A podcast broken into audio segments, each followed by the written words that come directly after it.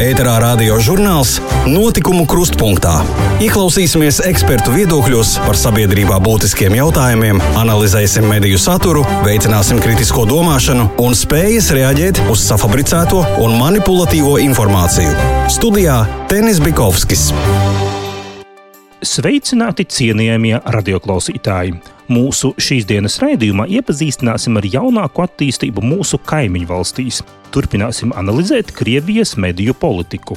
Informēsim par raidorganizāciju asociācijas bažām par ārvalstu mediju ietekmi uz sabiedrisko domu Latvijā. Iztaujāsim mediju pratības eksperti Klintu Ločmeli par mediju patērētāju spējām kritiski izvērtēt informāciju. Vai kopumā šī spēja Latvijā ir uzlabojusies? Savukārt preses apskatā par to, ko varam lasīt Sēlijas un Latgales lielākajos laikrakstos. Bet kā vienmēr, raidījumu sāksim ar starptautiskajiem jaunumiem. Pie mikrofona Elīna Greidāne. Startautisko notikumu apskats - aktuālā attīstība mūsu kaimiņu valstīs.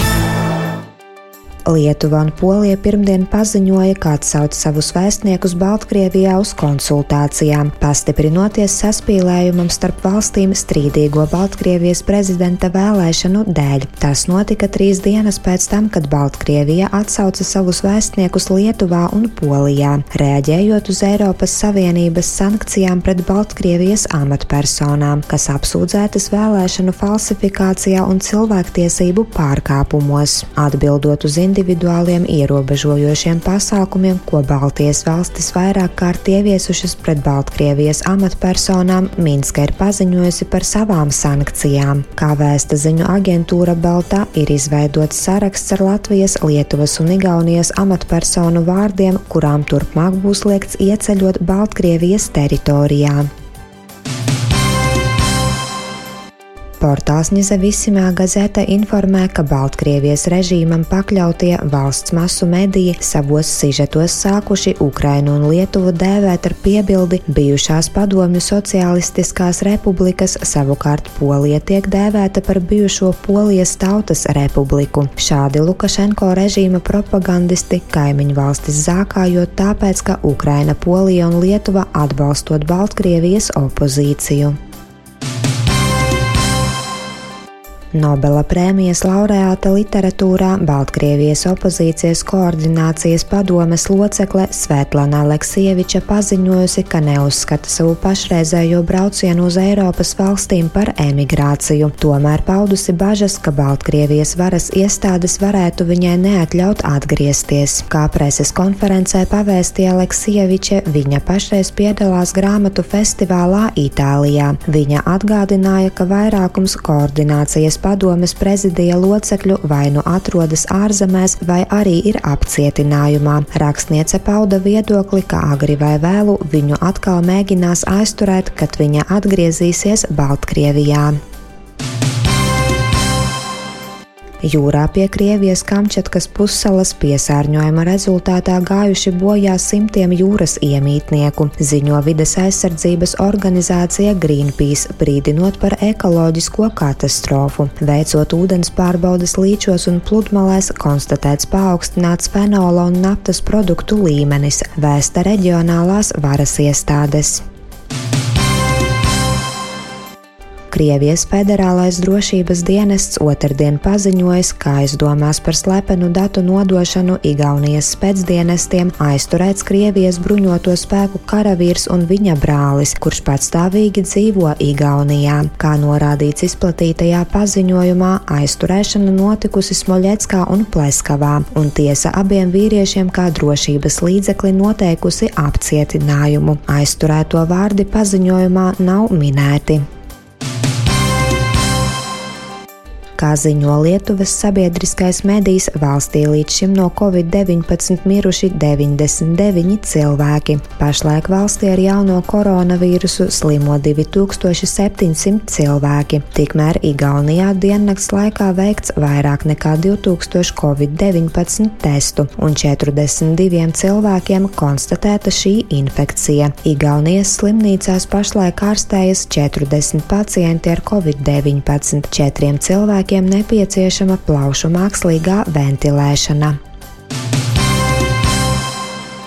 Lietuva līdz šim ir atļāvusi valstī ieceļot 326 Baltkrievijas pilsoņiem, līdz šim to izmanto 81. Vēl 26 kaimiņu valsts pilsoņi ir lūguši valstī sniegt patvērumu. Lietuvas valdība nolēmusi piešķirt līdzekļus, lai simts Baltkrievijas pilsoņi varētu bez maksas studēt Lietuvā, ziņo portāls BNN. Kaukazā jau nedēļu turpinājusies kara darbība Kalnu Karabakas reģionā starp Armēniju un Azerbaidžānu. Armēņu spēki dažos frontes sektoros bijuši spiesti atkāpties. Nedēļas sākumā Azerbaidžānas bruņotie spēki apšaudīja Kalnu Karabakas galvaspilsētu Stepanakertu, informē Karabakas un Armēnijas amatpersonas. Ēterā radio žurnāls Notikumu krustpunktā. Tik tālu starptautiskā attīstība. Atsauksim atmiņā Francijas prezidenta Emanuela Makrona vizīti Latvijā, kas notika septembra beigās. Tā bija pirmā Francijas prezidenta vizīte Latvijā kopš prezidenta Žaka Širaka oficiālā apmeklējuma teju pirms 20 gadiem. Nacionālajā bibliotēkā vizītes laikā notika diskusija par demokrātiju digitālajā laikmetā. Pēc Francijas prezidenta domām sabiedrības viedoklis kļūst aizvien sadrumstalotāks, un uzticība tradicionālajiem informācijas kanāliem krītas, demokrātiskās institūcijas padarot vājākas. Tam iemesls ir sociālo tīklu izmantošana, lai grautu tradicionālo mediju un informācijas avotu reputāciju. Makrons diskusijā atzīmēja, ka attiecībā uz demokrātiju digitālajā laikmetā būtisks ir jautājums par ārējo ietekmi uz demokrātijas procesiem, tostarp vēlēšanu procesiem. Šonadēļ pie sabiedrības vērsusies raidorganizāciju asociācija, kas apvieno komerciālās raidstacijas un televīzijas. Asociācijas izpilddirektors Andris Keniņš uzskata, ka Latvijas informatīvo telpu var pārņemt Krievijas politiskajām interesēm atbilstošs saturs. Un tas nav skaļš vai kliedzošs virsraksts. Tā esot realitāte. To apliecina mediju lietošanas statistika un reklāmas līdzekļu aizplūšana uz citu valstu medijiem, norāda Keniņš. Pēc asociācijas domām līdz sabiedriskajiem medijiem arī komercmedijiem ir nepieciešams finansiāls valsts atbalsts. Latvijas medijiem pieejamais reklāmas tirgus jau desmit gadus katru gadu ir zaudējis vairāk nekā 50 miljonus eiro, un šos līdzekļus šobrīd iegūst citu valstu mediji. Covid-19 krīze esot radījusi vēl papildu triecienu jau tā trauslajai Latvijas informatīvajai telpai. Latvijas medijiem atņemot vēl 15 līdz 20 miljonus eiro 2020. gadā. Mediju krīzes apstākļos Latvijas komercmedija vairs nevarēs nodrošināt vietējā satura veidošanu pietiekamā apjomā un kvalitātē. Bet informatīvajā telpā ir daudz un būs vēl vairāk alternatīva satura. Pastāvot reāli draudi, ka Krievijas mediji Latvijas informatīvajā telpā kļūšot vēl ietekmīgāki, un kaimiņu zemes redaktori turpmāk noteiks mūsu kultūras un sociālās prioritātes, kā arī centīsies graut Latvijas politisko, ekonomisko un sociālo ilgtspēju un stabilitāti, veidojot sabiedrisko domu sev vēlamā virzienā. Latvijas mediji ir spēcīgākais instruments cīņā par Latvijas informatīvās telpas uzturēšanu ar kvalitatīvu vietējo saturu, norāda Ķeniņš aicinot uz valdības un saimas izpratni par Latvijas informatīvās telpas apdraudējuma nopietnību un lūdz nekavējoties nodrošināt informatīvās telpas aizsardzību, piešķirot komercmedijiem nepieciešamos līdzekļus vietējā satura veidošanai 2021. gadā. Ēterā radio žurnāls Notikumu krustpunktā. Turpinot aizsākto tēmu, analizēsim Krievijas mediju telpu, kur kopš 90. gadu vidus cīņa notiek ne tikai par atsevišķu žurnālistu lojalitāti un komercmedijiem, bet arī starp dažādām drošības un militārajām institūcijām par ietekmi pār masu informācijas resursiem. Pie mikrofona Andrejs Strokša. Augstā kara laikos viens no PSRS trumpiem bija totāla vārda brīvības kontrole. Tomēr tieši šāda cilvēku brīvības apspiešana ar laiku deva savus rezultātus un noveda pie padomju impērijas sabrukuma. Pēc PSRS likumsakarīga sabrukuma totalitārās impērijas mantiniece Krievija pirmajā acu uzmetienā mēģināja iet demokrātijas attīstības ceļu un pasniegt sevi cilvēktiesību ievērošanas un vārda brīvības formātā. Tieši 90. gadu sākumā daudzi Krievijas žurnālisti kļuva par vārta brīvības paraugu. Tomēr, kā izrādījās, šis brīvības periods Krievijā nebija ilgs. Jau pirmais Čečenijas karš lika Kremlim izmainīt notikumu atspoguļošanas rakursu atbilstoši jaunajai dienas kārtībai, un Jeļcina valdība uzsāka neatkarīgo masu mediju atgriešanu Kremļa kontrolē. Jau 2000. gada vidū, līdz ar jaunā Krievijas prezidenta Putina nākšanu pie varas, spēcdienesti pilnībā pārņēma kontroli pār valsts masu medijiem. Žurnālisti, kuru lojalitāti Kremlis nespēja iegūt, kā piemēram Anna Poļitkovska, tika likvidēti. Nebūtu nav pārspīlēti teikt, ka Krievijas spēcdienesti kontrolē ne tikai valsts centrālos masu informācijas līdzekļus, bet arī integrē savus žurnālistus ārvalstīs. Pats par sevi saprotams, šis propagandistu leģions tiek pasniegts kā neatkarīgie preses pārstāvji. Tāpat tiek vervēti ārvalstu žurnālisti. Kā norāda politiskais komentētājs Aleksandrs Kovaļenko, 2000. gadu vidū Krievijā pārstāja eksistēt lielākā daļa neatkarīgo masu mēdīju, televīzijas kanālu, radio, kā arī informatīvā konteksta veidotāju, žurnālistu un pētnieku. Faktiski visu mediju telpu savā starpā sadalīja divas spēka struktūras - Krievijas aizsardzības ministrijas ģenerālā štāba galvenā izlūkošanas pārvalde, kuru pazīst kā GRU, un Federālais drošības dienests, kas pēc savas būtības ir transformējusies PSRS VDK. Federālais drošības dienests kontrolē tā saucamos liberālos masu mēdījus, kuri propagandē pseido-rietumnieciskos uzskatus. Savukārt GRU kontrolē ir pseido-patriotiskie un pareizticīgās propagandas masu informācijas resursi, kā piemēram portāls vzgļāt.ru, Komsomolskajā pravdā, Maskovskij Komsomoļets un citi. Kremlim bija nepieciešami vien desmit gadi, lai panāktu pilnīgu kontroli pār neatkarīgiem masu informācijas līdzekļiem un liektu sabiedrībai gūt netendenciozu un patiesu informāciju. Pateicoties augstām naftas un gāzes cenām, Krievija guva milzīgu peļņu, un tas ļāva Kremlim uzsākt īstenot revanšistiskās ārpolitikas ambīcijas. Tieši šajā ekonomiski labvēlīgajā periodā Kremlim izdevās nostiprināt savas pozīcijas rietumos, izveidojot ārvalstīs ne tikai plašu un daudzveidīgu multimediju propagandas tīklu, bet arī piesaistīt ārvalstu žurnālistus. Krimas aneksiju un Krievijas militāro grupējumu intervenciju Ukrainas teritorijā pavadīja plaša mēroga informatīvā kara un propagandas kampaņa vērsta pret Ukrainas valsti.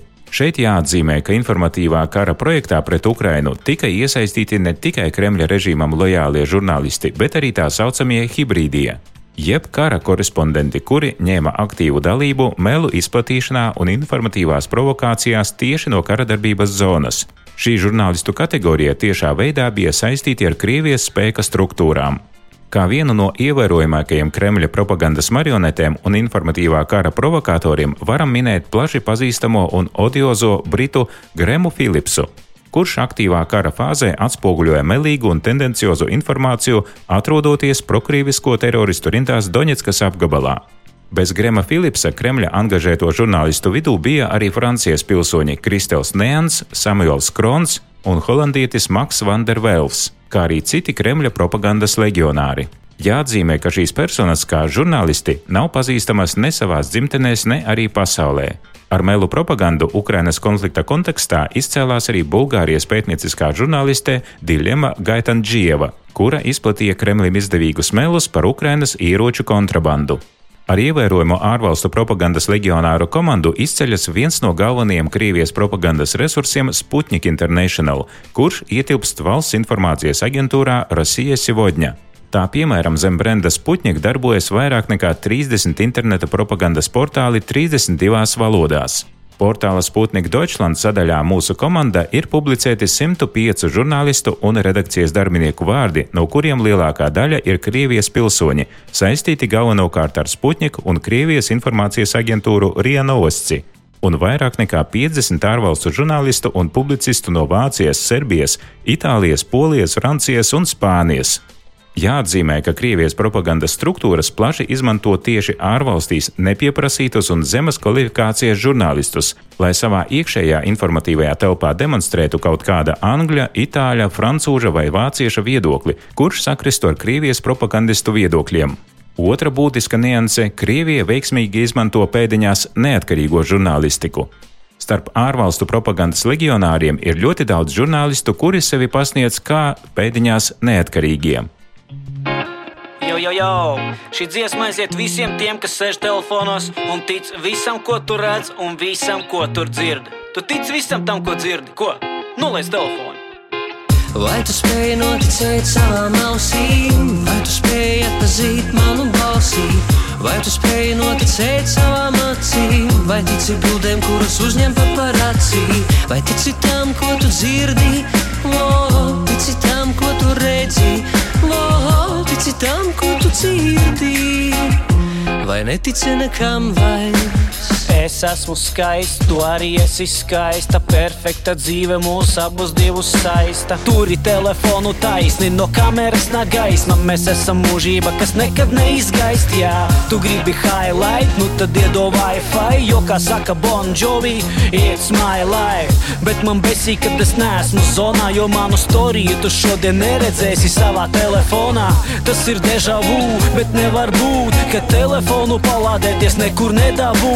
Man izlādēsies jau drīz. Lādētāja nav līdz, bet veikalā man teica, ka šis modelis ir jaudīgs. Vai tu spēj noticēt savām ausīm, vai tu spēj atpazīt manu balsi, vai tu spēj noticēt savām acīm, vai tici bildēm, kuras uzņem paparacī, vai tici tam, ko tu dzirdi, oh, tici tam, ko tu redzi, oh, tici tam, ko tu dzirdi, vai netici nekam vairs. Es atkarīgs, motherfucking sakarīgs, vakarīgs, nenāk no Rīgas, bet no lauku miesta. Mazās nekad neticēs, man YouTube ir dziesmas, tā kā buksu ziesma, sulīgs, bet liesmā man vajag laimi, un tā nav mana vaina.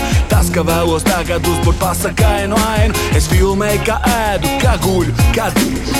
Neticēs, es nofilmēšu arī kā miršu tam, ko tu redzi, ko dzirdi, ko jūti. Manos Insta storijos to nofilmēt nav grūti. A tu vēl laiks sūti, šis sirsnīgs arī. Bet komentārus lasu, ka tiešām nav ko darīt. Vai tu spēj noticēt savām ausīm, vai tu spēj atpazīt manu balsi, vai tu spēj noticēt savām acīm, vai tici bildēm, kuras uzņem paparacī, vai tici tam, ko tu dzirdi, oh, tici tam, ko tu redzi, oh, tici tam, ko tu dzirdi, vai netici nekam vairs. Tici man, brāl, vai netici nekam vairs. seko man, brāl. vai netici nekam vairs. Vai tu spēj noticēt savām ausīm, vai tu spēj atpazīt manu balsi, vai tu spēj noticēt savām acīm, vai tici bildēm, kuras uzņem paparacī, vai tu spēj noticēt savām ausīm, vai tu spēj atpazīt manu balsi, vai spēj noticēt savām ausīm, vai tu spēj atpazīt manu balsi.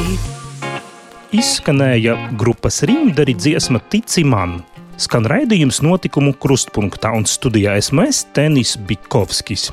Raidījuma turpinājumā iztaujāšu komunikācijas zinātņu doktori un medīpratības eksperti Klintu Ločmeli. Pēdējos gados daudz runāts un pētīts par mediju patērētāju spējām kritiski izvērtēt informāciju.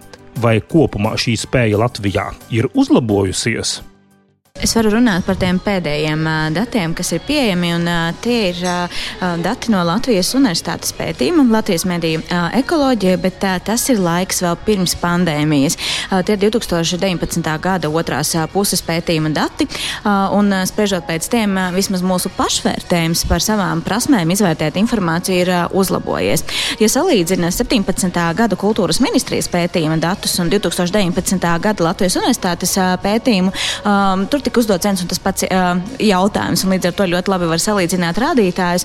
Tad tā, tāda pašsajūta, tāda drošība par savām prasmēm, atšķirt uzticamu informāciju no tās, kas ir safabricēta vai manipulatīva, ir pieaugusi. Ja 17. gadā tie bija 40%, tad 19. gadā jau 51%. Līdz ar to var teikt, ka pagājušā gada rudenī ap šo laiku aptuveni pusē Latvijas iedzīvotāji bija tāds vismaz pašam pārliecība par sevi, ka spēja informāciju izvērtēt.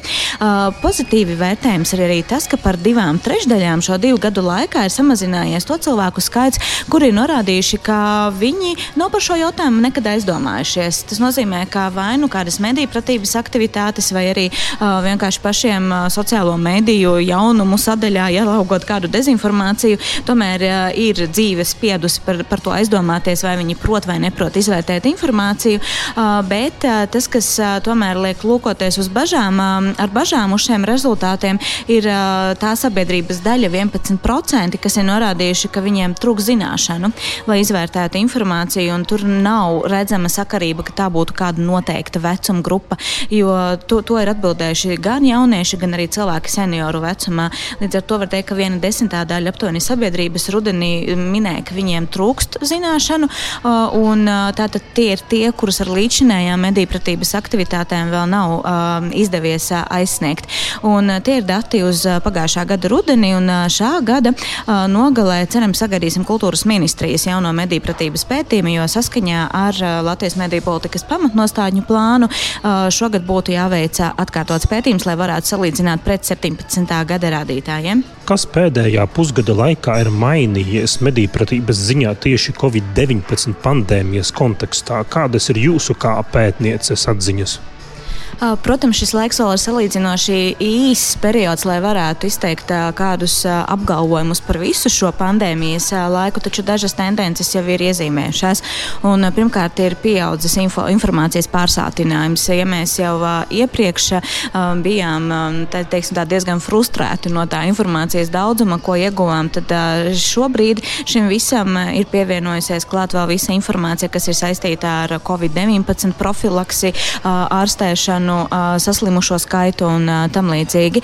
Un, līdz ar to var teikt, ka arī pieaudzis dezinformācijas un viltus ziņu apjoms. Un UNESCO tam ir devis arī tādu speciālu jēdzienu kā dezinfodēmija, proti salīmējot kopā divus vārdus - dezinformācija un plus pandēmija. Un ar šo jēdzienu apzīmē šo visu informāciju, kas tiek izplatīta par Covid-19, un tā bieži vien ir maldinoša. Un UNESCO ir izdalījis pat veselus tādus deviņus paveidus, dažādas konspirācijas teorijas par to, cik ir saslimuši, cik ir nomiruši, par to, cik šī slimība vispār ir bīstama vai nav bīstama, tāpat arī par slavenību, saslimstību, ziņu un uzticamu informācijas avotu diskreditēšanu. Un, diezgan daudz ir šī dezinformācija, kas šobrīd pārņem teiksim, informācijas vidi, un cilvēkiem kļūst arvien grūtāk izvērtēt un saprast, kas tad ir uzticams un kas nav uzticams, un tostarp arī konspirācijas dažādas teorijas.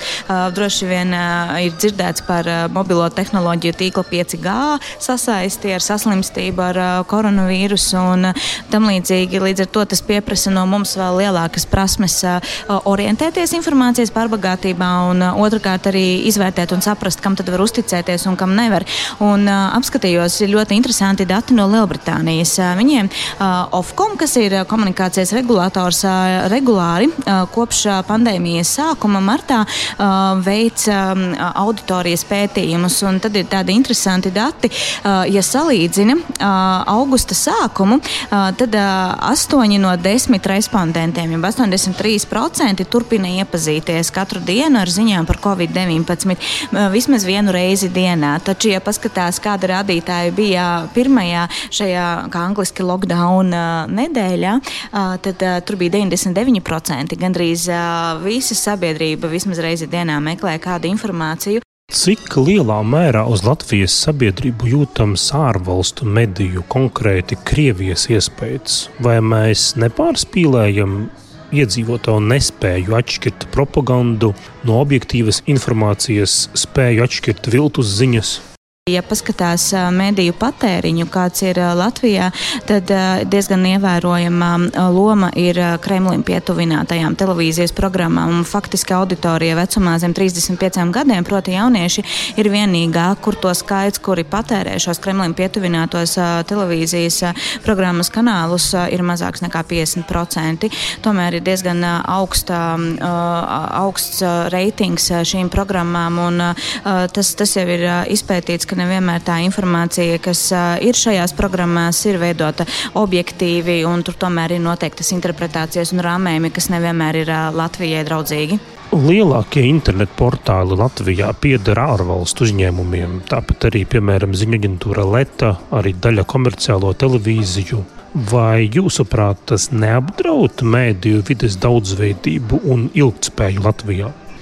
Manuprāt, ir drīzāk jāvērš uzmanība to, vai ir zināmi, skaidri zināmi patiesie labuma guvēji, vai ir skaidra šo mēdīju īpašuma struktūra un cik lielā mērā tiek vai netiek izdarīts kāds spiediens uz redakciju vai mēdīju redakcionālajām izvēlēm. Jo, piemēram, savulaik laikraksts diena, kas piederēja Zviedriem, bija viens no žurnālistikas standartu paraugiem. Tam, kā būtu jāstrādā žurnālistiem, kādi ir žurnālistikas principi, kādas ir žurnālistikas kvalitātes valstis, un savukārt turpretī arī vietējie īpašnieki mēdz pārdot gan televīzijas programmas, gan interneta portālus. Līdz ar to es domāju, ka drīzāk par to, vai tas medijs pieder vietējiem īpašniekam vai kādam no ārvalstīm, svarīgāk ir skatīties, cik ir skaidri zināms, kas tai šī medija stāv, kādas intereses pārstāv un vai tiek kādā veidā ietekmēta mediju redakcionālā neatkarība.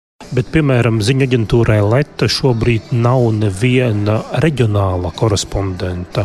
Bet ziņu aģentūra Leta ir faktiski tas avots, no kā barojas ļoti daudzi portāli. Vai tas nevar uh, kaut kādā veidā negatīvi ietekmēt reģionālās informācijas izplatīšanu valsts mērogā?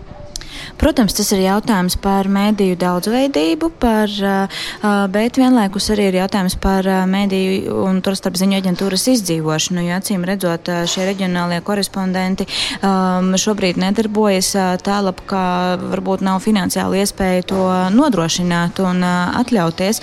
Un, um, tomēr es domāju, ka reģionālos jautājumus pietiekami labi var aktualizēt arī reģionālajie mēdīji, un tās būtiskākās lietas arī nacionālajos mēdījos var nonākt, ja aktīvi darbojas teiksim, iestāžu sabiedrisku attiecību speciālisti, kas ar savām preses relīzēm var ieinteresēt nacionālos mēdījus.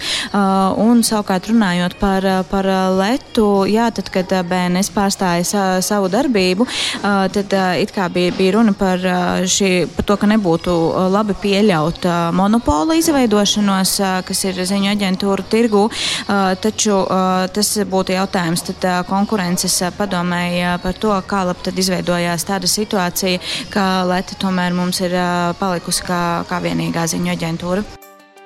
Tā bija saruna ar mediju pratības eksperti Klintu Ločmeli bet laikraksti joprojām ir nozīmīgs informācijas avots Latvijas un Sēlijas iedzīvotājiem. Nākamajās minūtēs par to, ko varēsim lasīt nedēļas nogales izdevumos. Pie mikrofona Elīna Greidāne. Latvijas reģiona latviešu un krievu preses apskats. Daugopilī iznākošais laikraksts Latgales laiks informē par Daugopils mācību iestāžu darbu šī brīža epidemioloģiskajā situācijā. Sakarā ar mācību iestādēs konstatētajiem Covid-19 saslimšanas gadījumiem deviņās Daugopils skolās attālināti mācās 21 klase. Vairāki saslimšanas gadījumi reģistrēti arī profesionālajās mācību iestādēs.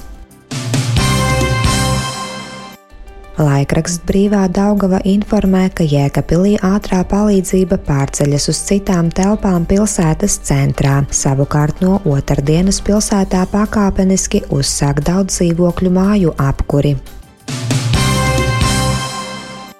Reiļos iznākošā laikraksta vietējā Latgales avīze 9. oktobra numurā plaša intervija ar Rēzeknes novada domas priekšsēdētāju Monvīdu Švarcu, kurš uzskata, ka jābūt vienotai reģionālai politikai un ka jāattīsta ne tikai Latgale, bet arī pārējie Latvijas novadi. Laikraksts informē par Daugopilī notikušo civilās aizsardzības komisijas sēdi, kur aicināts Daugopils pašvaldību slēgt treniņus, deju un citus mērķus mēģinājumus un, ja tas ir iespējams, pāriet uz attālinātām mācībām skolās, kur vairāku klašu skolēni jau atrodas karantīnā.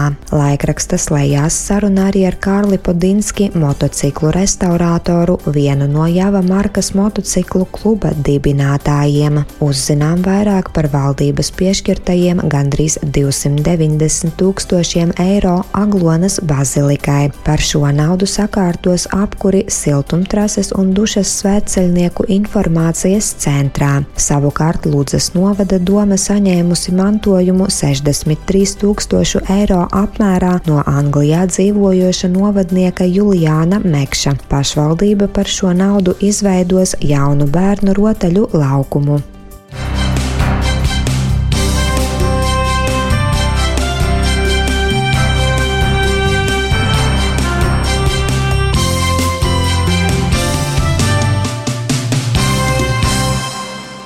Ar to arī mūsu šīs dienas raidījums izskan. No jums atvados es, Tenis Bikovskis. Paldies, ka klausījāties! Uz sadzirdēšanos jau nākošais nedēļa! Projektu finansē Mediju atbalsta fonds no Latvijas valsts budžeta līdzekļiem. Par raidījumu saturu atbild projekta īstenotājs Divu Krastu Radio.